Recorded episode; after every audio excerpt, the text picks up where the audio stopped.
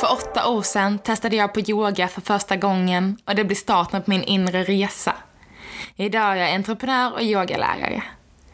Hej och välkommen till podcasten Landa på mattan med mig Josefin Persson. I denna podden får du möjlighet att lära dig mer om yoga, hälsa och spiritualitet och hur dessa är sammanlänkade. Vi kommer även prata om yogisk filosofi och hur den kan appliceras på vardagen vi lever idag. Nu drar vi igång dagens avsnitt.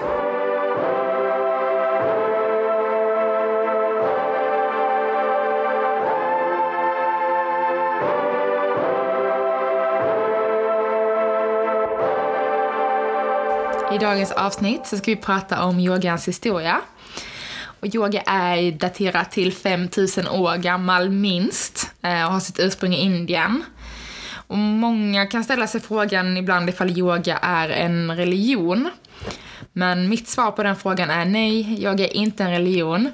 Men den utvecklades och grundade sig under samma tid som de större religionerna i det området gör, såsom hinduismen och buddhismen. Så eftersom de utvecklades under samma tid så har de vissa punkter som är lika, absolut. Eh, men yogan bygger ju mer på filosofi och ett förhållningssätt till livet. Men även då de här fysiska rörelserna och övningarna, vilket jag tycker då framförallt är det som gör att det skiljer sig väldigt mycket. Eh, och det är yogan inte heller en tro, och något man tror på, utan som sagt mer det här förhållningssättet.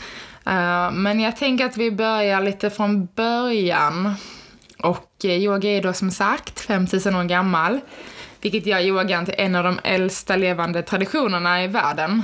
Det är ju fantastiskt häftigt med tanke på att yogan fortsätter att utvecklas idag runt om i hela världen och den växer sig bara större och större. Framförallt i väst och här i väst så tar vi fram nya yogaformer och olika sätt att utöva yoga på. Eh, och så har den ändå funnits i över 5000 år och den fortsätter leva vidare.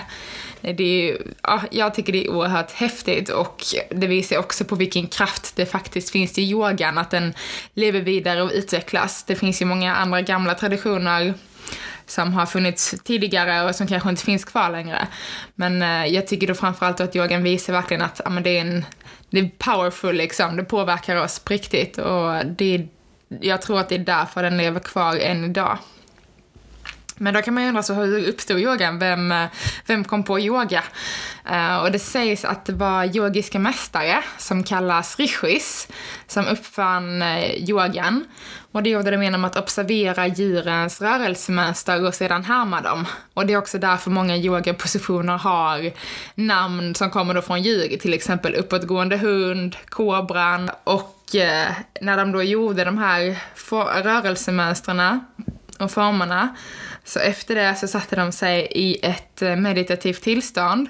Och under den här meditationen så sägs det att de observerade sin kropps energi. Och vi kallar vår inre energi för prana, livsenergi. Och då eh, satt de och observerade hur den flödade runt om i kroppen och hur den då flödade genom olika energikanaler som kallas nadis. Och där vi både på höger och vänster sida. Och en eh, liten side-note är väl något som jag tycker är oerhört intressant och det är att eh, det finns ju då bilder på som visar var våra nadis energikanaler sitter i den österländska filosofin. Och om man tittar på de här bilderna och lägger dem på en kropp som kommer från den västerländska medicinen så kan man se att det som de kallar energikanaler nadis, det är det vi kallar nervsystemet. Vilket är väldigt häftigt tycker jag, att det visar liksom att ja, men det de satt och kände in hur den här energin rörde sig i deras energikanaler, alltså i nervsystemet. Eh, det var så de kunde känna liksom hur de här olika yogapositionerna påverkade kroppen. Och på den tiden så hölls yogan hemlig och den eh, delades enbart muntligt mellan elev och lärare, så det finns inte så mycket mycket texter och så exakt från den tiden när det kommer just till yoga, som vi har böcker idag till exempel. Men hur kan vi då säga att yogan eh, uppstod för 5000 år sedan? Det kan vi se genom arkeologiska utgrävningar som är gjorda i norra Indien. Och det fanns ett område där som var ett väldigt stort rike för ungefär 8 till 5000 år sedan då. Och det riket kallades för Indus. nu ska jag säga svåra ord här. Riket kallades för Indus, Sarasvati eh, civilisationen och det var de mellan de här floderna Indus och Sarasvati. Men med vår teknik idag så har vi sett att eh, den ena floden då, Sarasvati, den torkade ut eh, för ungefär då 5000 år sedan. Under den perioden så, började, så tillkom även den äldsta vedaskriften som kallas Rigveda. Vedaskrifterna är eh, dels skrifter som yogan har sitt ursprung till, men även religionerna. Alltså vedaskrifterna är väldigt heliga kan man säga. Då i den här Rigveda så nämns till exempel både yoga och då den här floden. På så sätt har man kunnat datera yogan, att den existerade under den här tiden när den här floden fanns. Men troligtvis har yoga funnits mycket längre än så. Men det har vi inga bevis på. Men en annan eh, tydlig teori som stärker detta är då även att i utgrävningar som man har gjort i områdena så har man hittat stämplade bilder med olika yogafigurer på. Om vi då hoppar fram ungefär tusen år i tiden, eh, så alltså till 1800-talet före Kristus, eh, till ungefär 200-talet, under denna tiden så uppkom en eh, viktig vedaskrift, den viktigaste nästan, som kallas, eh, nu ska jag ge mig på de här svåra orden igen, eh, men den kallas Upanishadana.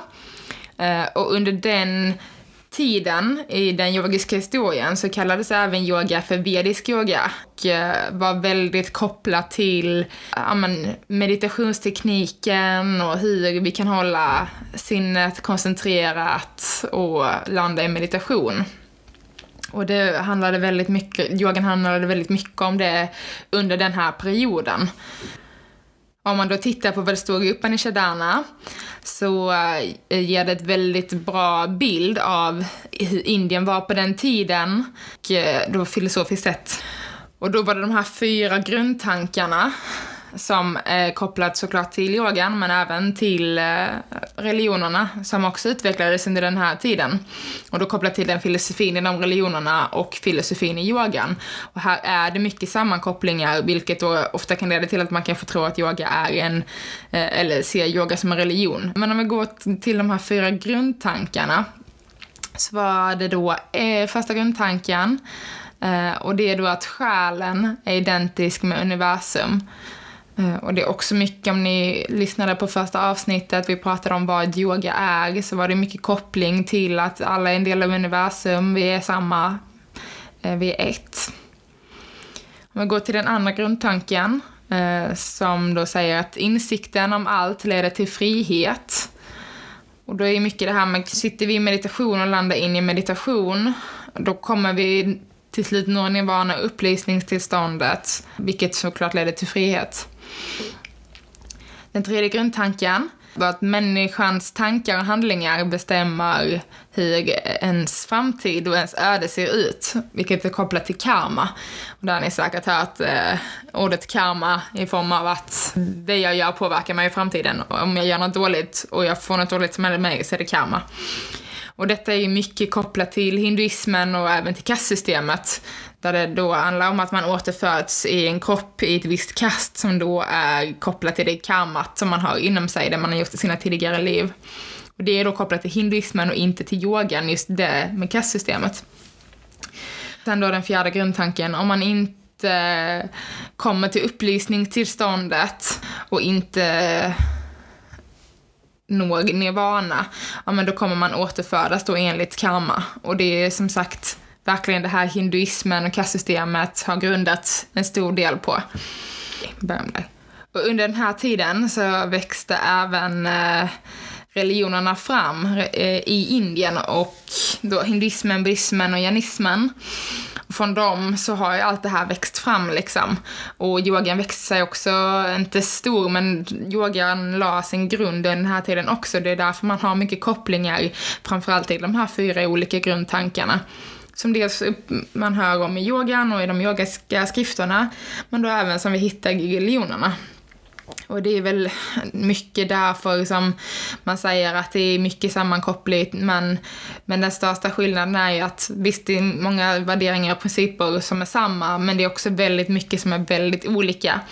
Och jag har själv inte den här insikten i exakt hur de här religionerna är uppbyggda. Jag har bara grundläggande kunskaper. Eh, men jag tror att om man vill gå in på djupet här så kan det finnas oerhört mycket man kan hitta som verkligen kopplar samman och också vad de skiljer sig åt. Men det är ju en helt annan historia. Jag tycker inte vi ska blanda ihop det för mycket med yogans historia, men att vi, har, vi är medvetna om att den växte fram under samma tid som de här religionerna växte fram. Och vi kan då hoppa fram lite längre fram i tiden, precis efter det här, så ungefär på 200-talet. Då började den period som kallas klassisk yoga.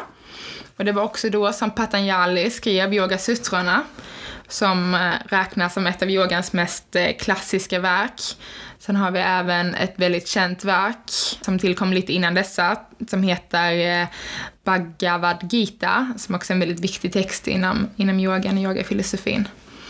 Men eh, om vi går tillbaka till Patanjali så eh, tog han även fram den åttafaldiga vägen som i princip är en metod för att nå till upplysning. Och de åtta delarna består då från, ja men första delen yamas, som handlar om eh, moralisk disciplin, hur vi förhåller oss till andra. Sen har vi niyamas, som handlar om hur vi förhåller oss till oss själva. Vi har asanas, kroppsställningar. Vi har pranayama, som är andningsövningar. Vi andas. Sen har vi pratayara som är eh, hur vi kan fokusera våra sinnen, våra sinnesintryck. Vi har dana som står för koncentration, hur vi kan landa in i koncentration. Och sen har vi dhyana som är meditation och sen till sist då samadhi som är upplysning. Och enligt den här eh, Patanjalis åttafaldiga väg så behöver vi då lära oss alla de här åtta stegen i den ordningen jag berättade för att då nå upplysning. För att då koppla tillbaka lite till buddhismen, som också vissa säger att buddhism är inte Eh, en religion, vissa säger att buddhism är en religion. Men jag tänkte framförallt dra den största skillnaden mellan buddhismen och yoga. Och inom buddhismen så är det Buddha man pratar om, och Buddha som grundade det här. Eh, men då pratar man egentligen inte om Buddha som en person, utan som ett tillstånd. Så en buddha är en en observatör, en observatör inom sig själv. Och Buddha som då grundade, det är egentligen en annan person än den buddhan som man pratar om, som då är den inom sig själv. Men det sägs även att eh, han skapade ett eget eh, yogasystem, en egen yogafilosofi men den här yogastilen som eh, är kopplad till buddhismen har egentligen inget med fysisk yoga att göra utan mer med meditation, livsfilosofi och då framförallt kopplat till att landa i ett buddhist tillstånd. Ja, upplysning, nirvana och just ordet nirvana är egentligen mer kopplat till buddhismen än kanske ordet upplysning.